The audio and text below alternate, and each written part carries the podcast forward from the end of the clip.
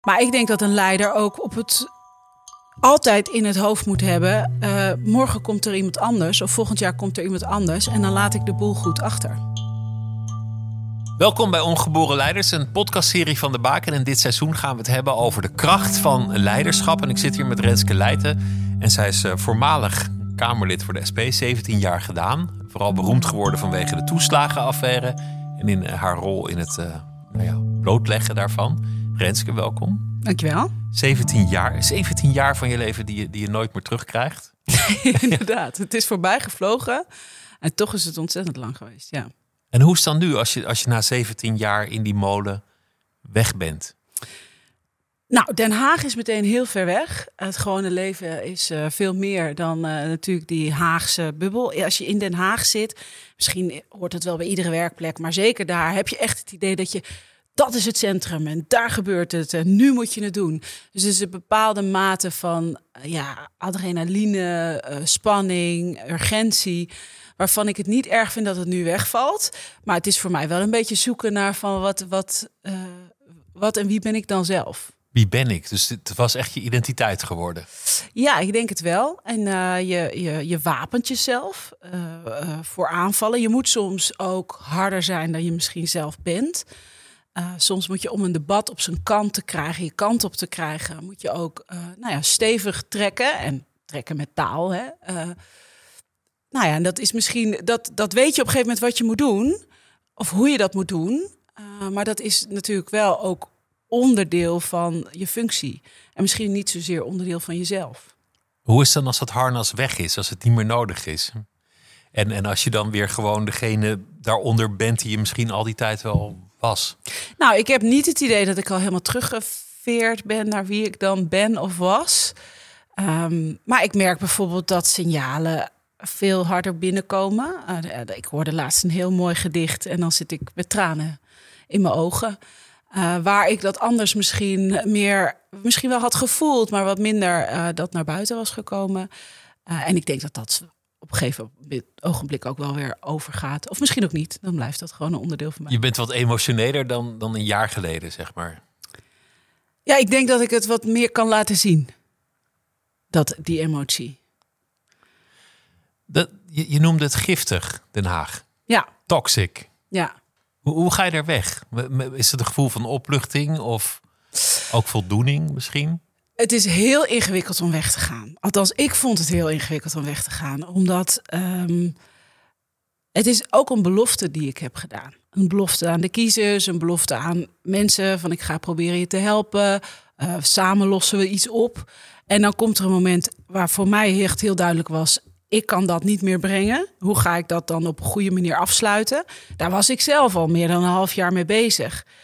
Um, maar dat is toch heel ingewikkeld. En het was mijn man vooral die mij op dat spoor heeft gezet. Het heeft gezegd, ja Rens, prima als jij nog een keer op de kandidatenlijst gaat. Dat was in 2020. Maar pas wel op dat het geen Hotel California wordt. Want er blijft altijd een onderwerp. En er blijft altijd mensen met uh, problemen. Waarvoor jij daar kan blijven zitten. Maar is dat ook altijd goed voor jou? En blijf je dat afvragen? You can check out anytime, but you can never leave. Het lijkt zo belangrijk. Het ja. voelt als verraad, vaandel, vlucht wanneer je, wanneer je gaat. Je wordt ook belangrijk gemaakt. Uh, mensen kijken ook naar je. En tegelijkertijd was voor mij het uh, politieke idee... of het idee dat er in de politiek messiassen zijn... of aangewezen personen zijn die alles wel zullen oplossen. Uh, en dat heb je door de hele geschiedenis, parlementaire geschiedenis heen natuurlijk gehad.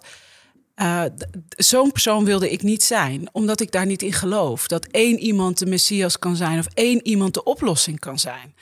Ik vond het zelfs best wel beangstigend soms dat er mensen zeiden: ja, ik geloof helemaal niks van Den Haag, maar er zitten twee personen die geloof ik wel. En dan werd ik genoemd en bijvoorbeeld omzicht. En dan dacht ik: oh mijn god, dat is een last die ik helemaal niet wil of niet helemaal niet kan dragen. Maar jij, jij bent nu thuis een nieuw leven aan het beginnen. Omzicht is nu wel echt de messias in, in, de, in de politiek, denk ik. Zit daar bij jou misschien ook, ook een soort teleurstelling van... goh, hij krijgt nu heel veel credit en heel veel roem... en wordt op het zadel gehezen en, en ik zit thuis? Nee. Dat heb je niet? Nee, nee. Um, ik heb mij al vrij vroeg uh, uh, door onze bijzondere samenwerking... Uh, voorgenomen om niet te veel over hem te praten. Dat doen al te veel mensen. En ook te veel mensen met kwalijke bedoelingen. Uh, dus als ik Pieter zie en als ik hem zie schuiven, dan denk ik daar van alles van. Maar dan vind ik, niet, vind ik mezelf niet de aangewezen persoon om daarop commentaar te leggen. Nee, maar als het over jouzelf gaat, vind, vind je dat je genoeg lof hebt gekregen, genoeg krediet dat het je genoeg heeft gebracht? Of was dat nooit? Nee, dat is nooit mijn drijfveer geweest. En uh, ik vind het eerlijk gezegd ook ingewikkeld. Toevallig mocht ik uh, uh, onlangs een prijs krijgen van de Landelijke Cliëntenraad. Um, en dan denk ik, ja, maar ik deed dat omdat het mijn werk was. Ik deed dat omdat er gewoon een groot schandaal is. En een overheid die faalt. En dat probeer je recht te zetten. Ik had liever gehad dat die overheid niet zou falen. Ik had liever gezegd, gehad dat het niet recht te zetten was geweest. Dus um, nee, ik, ik, ik vind het vervelend als de geschiedenis wordt gepresenteerd als dat die anders was. Dat het alleen uh, Pieter zou zijn of dat het alleen. Dan denk ik altijd, ja, ja, ja, dat is het herschrijven van de geschiedenis. Maar ik hoef niet alle credits, nee. Nou, je hebt een hele goede pers gehad toen je wegging trouwens. Er zijn wel eens ja. Kamerleden vertrokken van wie je minder ja, had gehoord. zeker. Die ongemerkt er weg zijn gegaan. Ja. Vind je, zou je zelf als leider definiëren? Als nee. we het over leiderschap hebben, zou je zeggen: ik, ik, ik ben eigenlijk iemand die leiding heeft gegeven aan iets? Nee, ik, ik weet ook nog toen ik hiervoor werd gevraagd. Ik, ik ben wel benieuwd waarom jullie mij hiervoor vragen. Uh, uh, nee, maar als je uh, verandering wil, dan geloof ik wel. En in die zin dat zo probeerde ik ook volksvertegenwoordiger te zijn. Als je verandering wil, dan zul je mensen in beweging moeten krijgen op terreinen waarop zij ook die verandering willen. En daarvoor moet je natuurlijk wel kunnen leiden. Maar of dat hetzelfde is als leiderschap, dat weet ik niet. Nou ja, je, je, je brengt een verandering teweeg. Dat, dat ja. is al leiderschap. Mensen inspireren om in de benen te komen, om met elkaar samen te werken. Uh, als je dat wint, aan hun te gunnen. Uh, um, ja, proberen uh, iedereen daar deelgenoot van te laten zijn. Als dat onderdelen zijn van leiderschap, dan heb ik dat gedaan. Je, je kiest nooit als leider zelf je thema, ben ik van overtuigd. Het thema kiest jou, het komt op je pad. Je kan niet van tevoren weten van mijn, mijn moment zal hierover gaan. Nee, dat geloof ik ook niet. Maar ik denk ook niet dat als je. Ik denk dat als je dat doet en als je dat plant, dan ben je niet de leider waarvan ik denk dat we die nodig hebben, want dan draait het om jou. En als het om jou draait, dan moet je lekker uh, in de entertainmentindustrie of acteur of uh, nou ja, misschien presentator worden. uh, maar ook een presentator daar, of een interviewer moet het natuurlijk over een ander laten gaan. Maar ik vind dat als je het in de politiek of als leider over jou wil laten gaan, dat dat een verkeerde intentie is. Leiden is dus dienend zijn aan Absoluut. iets anders, iemand anders. Of een beweging of bepaalde belangen. Ja. Hoe kwam het eigenlijk op je pad? Waar, waar is het ooit begonnen? Wanneer had jij zelf door met die toeslagenaffaire? Dit is iets enorm groots. Dit, dit wordt geschiedenis. Nou, wanneer het dit is, dit wordt geschiedenis is, um, dat zijn verschillende momenten geweest. Uh, maar voor mij werd het eigenlijk helder in de zomer van 2019. Toen was er al heel lang duidelijk dat er rond een groep ouders van een gastouderbureau in Eindhoven van alles mis was. Er was ook al een rapport over van de ombudsman. Er was al erkend er is gelogen tegen de Kamer. Er is onrechtmatig gehandeld door de Belastingdienst. Maar er werd tijd gezegd: het is een kleine groep, beperkt in de tijd. Maar we kregen niet antwoord van hoeveel meer mensen of groepen mensen zouden hier ook slachtoffer van zijn. En toen besloot ik om een meldpunt te openen. En toen heb ik een oproep gedaan, uh, ook verspreid via sociale media. Eén vandaag uh, had er aandacht voor, volgens mij RTL en Trouw. Van als jij nou denkt dat jouw kinderopvangtoeslag ook onterecht is stopgezet, meld je dan bij mij. En die zomer kwamen de meldingen binnen en toen werd al heel snel duidelijk dat zowel de omvang van de tijd als de omvang van de mensen. Uh, dus het waren niet alleen mensen die bij een gastouderbureau zaten. Het was niet alleen tussen 2013 en 2015, maar ook mensen uit 2008, twee mensen, twee mensen uit 2018. Het werd voor mij heel duidelijk, het is veel manifester, het is veel groter. Toen ben ik gaan zoeken naar wat is nou de gemene deler van die mensen. Uh, en toen kwam ik op dat ze allemaal verweten is om zich opzettelijk en met grove schuld niet aan de wet te houden. En het werd dan afgekort in OGS. En toen ging ik met advocaten daarover praten. En toen had een advocaat daar een handleiding over van binnen, binnen de Belastingdienst. Hoe je om moet gaan met opzet en grove schuld. Die mensen zijn fraudeur, stond daarin. Die geef je geen dienstverlening meer, die help je niet. En toen zijn we gaan vragen naar, wat is dat dan? Nou, en hoeveel mensen zijn dat dan precies? Maar die mensen die zich gemeld hadden, daar heb ik ook een bijeenkomst voor georganiseerd. En daar kwamen ontzettend veel mensen die zeiden: Heb jij dat ook? Oh, de auto staat op de naam van mijn zoon, want dan kunnen ze hem voor mij niet innemen. Oh, dat doe ik met, met mijn vader. En er waren allemaal mensen die daar zagen: Ik ben niet alleen. Heb jij dat ook? Er waren echt mensen uit Twente en mensen uit Utrecht die zeiden: Dat heb ik ook. En die zagen: Het ligt niet aan mij. Dus die zeiden ook: Ja, maar nu wil ik wel spreken. Nu wil ik wel naar buiten treden. En er was een groep in Rotterdam en die had zichzelf al wat eerder georganiseerd, maar die had zich ook gemeld. En die wilde graag een actie voeren. En dat vind ik altijd heel erg leuk. uh, dus toen heb ik met hun gezegd: van ja, maar wat wil je dan precies weten? Ze wilden naar de Belastingdienst, ze wilden de boel bezetten of de puider uitrijden. Want dat hadden ze net gezien van boeren in Groningen. En uh, dan krijg je wel aandacht.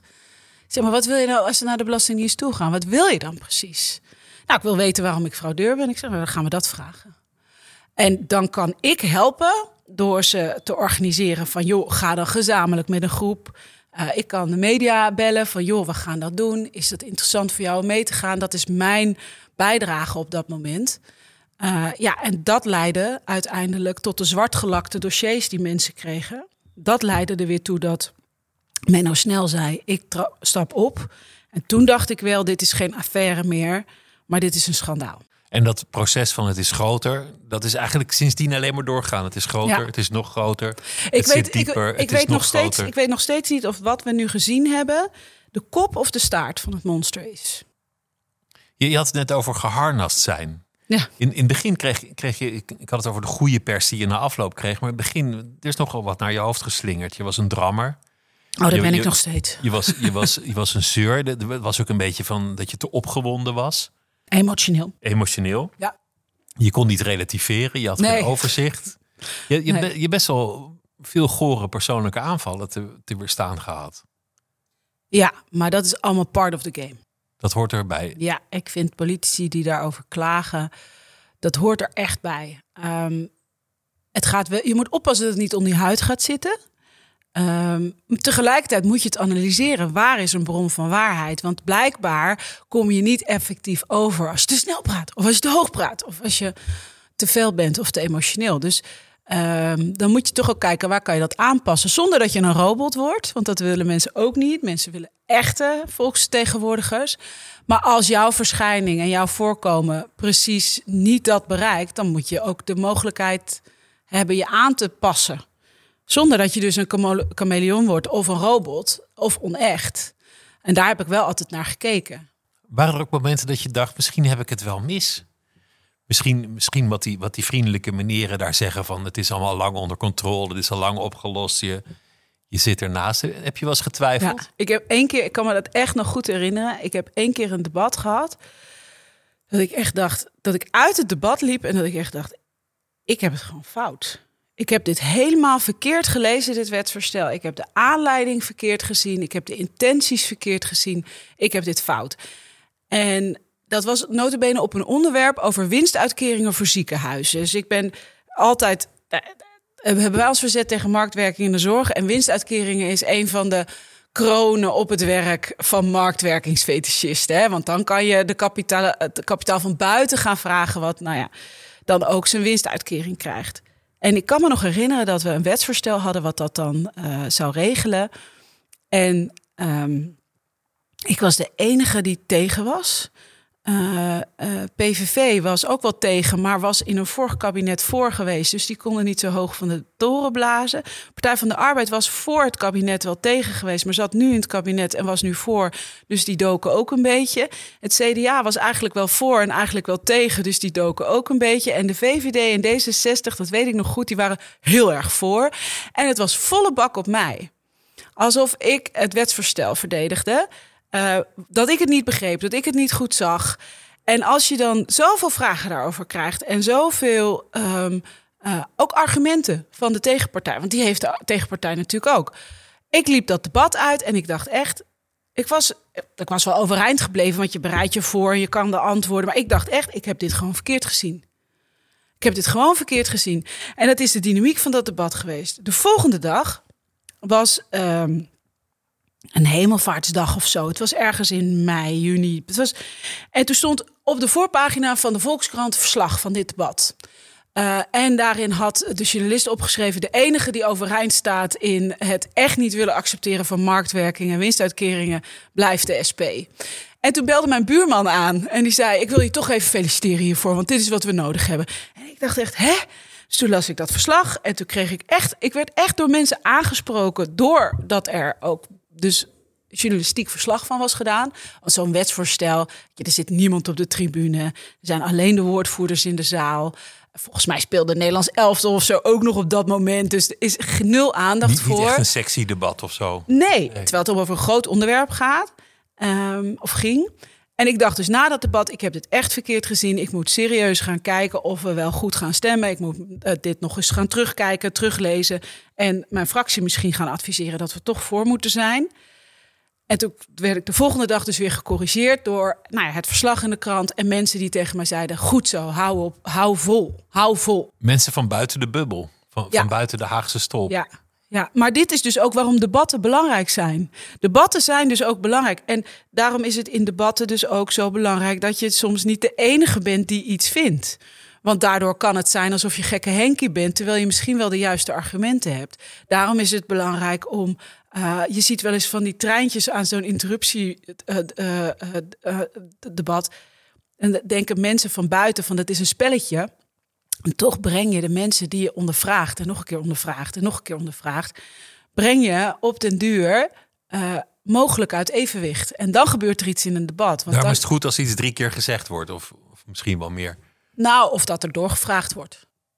Maar, maar wat je ook zegt is dat het belangrijk Maar is toen om een heb soort, ik dus getwijfeld. dat je een soort pijlstok buiten de politiek hebt, waar je op kan teruggrijpen. In dit geval je buurman, Ja, om toevallig. weer terug te komen bij waar je ooit om begon. Nou ja, en wat jij ook zei van je, dat, dat ze uh, niet de aardigste etiketten op mij plakten. Ik had altijd van buiten de politiek juist duwtjes in de rug of enorme duwen in de rug. Uh, als ik ergens kwam op werkbezoek of een avond in afdelingen, het hele land door geweest, dat is zo ontzettend leuk om met mensen dan te spreken over wat speelt er, wat kan je eraan doen, kan je actie ondernemen, wat kan ik daar dan bij helpen. Uh, en dat was altijd uh, mijn, uh, ja, mijn smeerolie. Dus wat er in Den Haag allemaal gebeurde en wat er daar over mij werd gezegd, dat analyseerde ik wel. En soms raakte je dat ook wel. Maar dat was absoluut niet wat mij motiveerde. Dat was altijd buiten die bubbel. Er zijn nu wat onderzoeken gaande die, die over de toeslagenaffaire, maar ook over andere vormen van fraudebestrijding. En wat mij heel erg opvalt, is dat iedereen die wordt geïnterviewd zegt: Ik moest me houden aan het protocol, ik had mijn opdracht. Dit, dit was niet echt mijn dossier. Het, het lijkt alsof, alsof iedereen het vreselijk vindt, maar niemand eraan kon ontsnappen. Alsof iedereen het gevoel had gevangen te zitten in ja, een protocol, een functie, een opdracht. Ja. ja. Dat, dat vind ik wonderlijk. Waar, waarom lukt het soms niemand om te handelen naar wat ze eigenlijk vinden? Dat is een goede vraag. En ik denk dat als we daar het antwoord op vinden, dat we dan ook een hoop kunnen oplossen. Want ook in dat hele toeslagenschandaal, maar ook inderdaad wat je hebt gezien bij die parlementaire enquête fraudebeleid. Er zijn echt mensen die op de juiste plekken de juiste dingen kunnen doen, als ze de mogelijkheid krijgen. Maar er zijn ook mensen die daar uh, hun rol veel kleiner hebben gemaakt dan dat die was. Een ander ding is, dat zijn de algoritmes, het, het computermodel. Ja. Je, je voegt een paar parameters in en er rolt uit wie de fraudeur wel zal zijn. En vanaf dat moment is dat een gegeven. En je zal in de groep die je zoekt, zal je natuurlijk ook altijd iets vinden. Dus je wordt bevestigd. Maar er werd op een gegeven moment ook zo gesproken over de samenleving als een dashboard. Ik draai aan dit knopje en ik heb hier dat metertje ja. en zo regeer ja. ik het land. Ja. Dat, dat is heel angstaanjagend om zo naar een samenleving te kijken. Ik denk dat er in die tijd echt het geloof was dat computers en computersystemen uh, onafhankelijker zijn dan het menselijk oog. Objectiever. Objectiever. Wij weten inmiddels dat het niet zo is. Want uh, algoritmes doen niks anders dan dat het ze geleerd is. Zoek op de algoritmes van uh, bepaalde postcodes, lage inkomens en vooral ook mensen met een migratieachtergrond. En ja, je zal ze vinden. Maar zou je ze omdraaien, die algoritmes, zoek in de postcodes bij de rijkste gezinnen en bij eh, de meest Nederlandse of Franse achternamen. En je zal ze ook vinden. Kijk, waar het om gaat is dat je uh, in het toezicht in Nederland is risicogestuurd toezicht ingesteld. En dat betekent dat we, we hebben een paar regels opgesteld. En als je in bepaalde, aan bepaalde mate voldoet, heb je meer risico en dan gaan we daar controleren. Daar valt iets voor te zeggen als je ook altijd maar overal blijft controleren. Als je niet, als je niet een, een soort tunnelvisie krijgt in, in die richting. Dus, dus er valt iets voor te zeggen dat je zegt van nou, wij weten bijvoorbeeld dat uh, jonge mensen die uh, uh, net de zorgverzekering moeten hebben, die dan zorgtoeslag aanvragen, dat die vaker fouten maken en ook vaker wisselende uh, inkomens hebben. Dus het risico bij hen op terug moeten betalen als je te veel hebt verdiend, dat je je zorgtoeslag moet is groot. Dus we richten ons op jonge mensen om ze vanuit het perspectief van dienstverlening of voorlichting uh, uh, op een andere manier te benaderen. Dat is te rechtvaardigen. Maar hier ging het om opsporen, fraude, het schuurt aan criminaliteit, waar mensen zich ook niet tegen konden verweren fraudedienst van de Belastingdienst wist ook niet waarom bijvoorbeeld Pieter van der Wielen eruit was gerold als risico. Er was alleen, jij bent een risico. Nou, dan vinden ze altijd iets bij jou, bij mij ook. Want het is een ontzettend ingewikkeld systeem. Je doet altijd wel iets fout. Um, en als dan jij in de risicobak zit voor extra controle, waarbij dus een fout fraude betekent, dan is er geen ontsnappen meer aan. En dat is super eng als daar ook nog eens uh, geautomatiseerde processen aan meewerken. Wat, voor leiderschap zou jij liever zien? Want we hebben nu eigenlijk een aantal dingen gezien over leiderschap. Van, uh, wegkijken. Wegkijken, niet toegeven dat je fout hebt gemaakt. Uh, delegeren en je daarachter verschuilen. Van nou ja, dat was, het was zijn ding. Of, of je aan het protocol houden. Het uitbesteden aan de computer. En, en het harnas. Het jezelf ja. emotioneel afsluiten omdat je dat nodig hebt om te functioneren. Ja. Dus dat betekent eigenlijk dat leiderschap zich onzichtbaar maakt? Nou, leiderschap moet vooral dienend zijn, volgens mij. Het moet niet draaien om de persoon die leidt. Dat ego moet eraf. Nou, je mag best af en toe je veren uitzetten. Je mag wel voor de zaak gaan staan. Volgens mij moet je niet alleen maar zeggen: ach jeetje, er overkomt me iets en oh, ik ga leidzaam uh, mijn lot tegemoet. Uh, een leider moet ook op momenten dat het nodig is wel kunnen uithalen voor de, de, voor de zaak, hè? voor de bescherming van de zaak of de vooruitgang van de zaak. Um, dus je moet wel degelijk dat ook kunnen. Um, maar ik denk dat een leider ook op het altijd in het hoofd moet hebben: uh, morgen komt er iemand anders, of volgend jaar komt er iemand anders, en dan laat ik de boel goed achter. Dus uh, hoe zorg ik ervoor dat niet ik, maar wij als collectief beter eruit komen dan dat we, de, dat we begonnen? En ik, dat is wat ik heel weinig zie in politiek. Het gaat heel erg over de korte termijn. En over beeldvorming. Het gaat over beeldvorming, over het volgende debat overleven, de volgende verkiezingen winnen. Uh, terwijl, hoe laten we de boel nou achter? Hoe, laten, hoe zorgen we dat de democratie, uh, het vertrouwen in de overheid, het stelsel van toeslagen, een organisatie als de Belastingdienst, maar ook een commercieel bedrijf, hoe zorgen we ervoor dat het over tien jaar er nog is en ook nog wordt geloofd? En daar gaat het veel te weinig over. Hoe zou je dat kunnen veranderen? Hoe zou je dat besef in die hoofden kunnen krijgen? Um, met het risico dat ik dan ga vingerwijzen. Want dat is ja. wel ook wat het is. Kijk, ik noem, noemde Den Haag giftig om, op vele redenen. Enerzijds, uh, je staat altijd klaar om af te rekenen en zelf afgerekend te worden. Tegelijkertijd, wat er ook heel giftig is, is dat die samenwerking die wel plaatsvindt, en die langere termijn gesprekken die er zeker ook zijn en de coalities die zich vormen rond verschillende onderwerpen, dat dat helemaal niet zichtbaar is. Is geen nieuws. Wat is nieuws? Ruzie is nieuws. Een nieuw poppetje is nieuws. Wie vindt wat? Oh, een draai is nieuws. Het is helemaal niet iets nieuws dat mevrouw Leijten tegen marktwerking is, want het is altijd al geweest. Ja, het is wel, het is toch ook nieuws dat iemand vasthoudt aan zijn standpunt, toch? Of niet? Um, maar uh, ik denk dat de, de, de weergave van wat er gebeurt in de Tweede Kamer, tussen ministeries, uh, onderling, dat is zo conflictgericht. Um, en dat is dus ook belonend op conflict. Uh, dat het lijkt alsof er niks anders is. En dat het ook lijkt alsof het alleen maar afrekenen is. Ik hoorde uh, Dijsselbloem zeggen: er is een afrekencultuur in Den Haag. En dan moest ik erg om lachen, omdat ik echt dacht: ja, maar wie is er nou afgerekend dan precies binnen de Belastingdienst voor dit probleem van de toeslagen?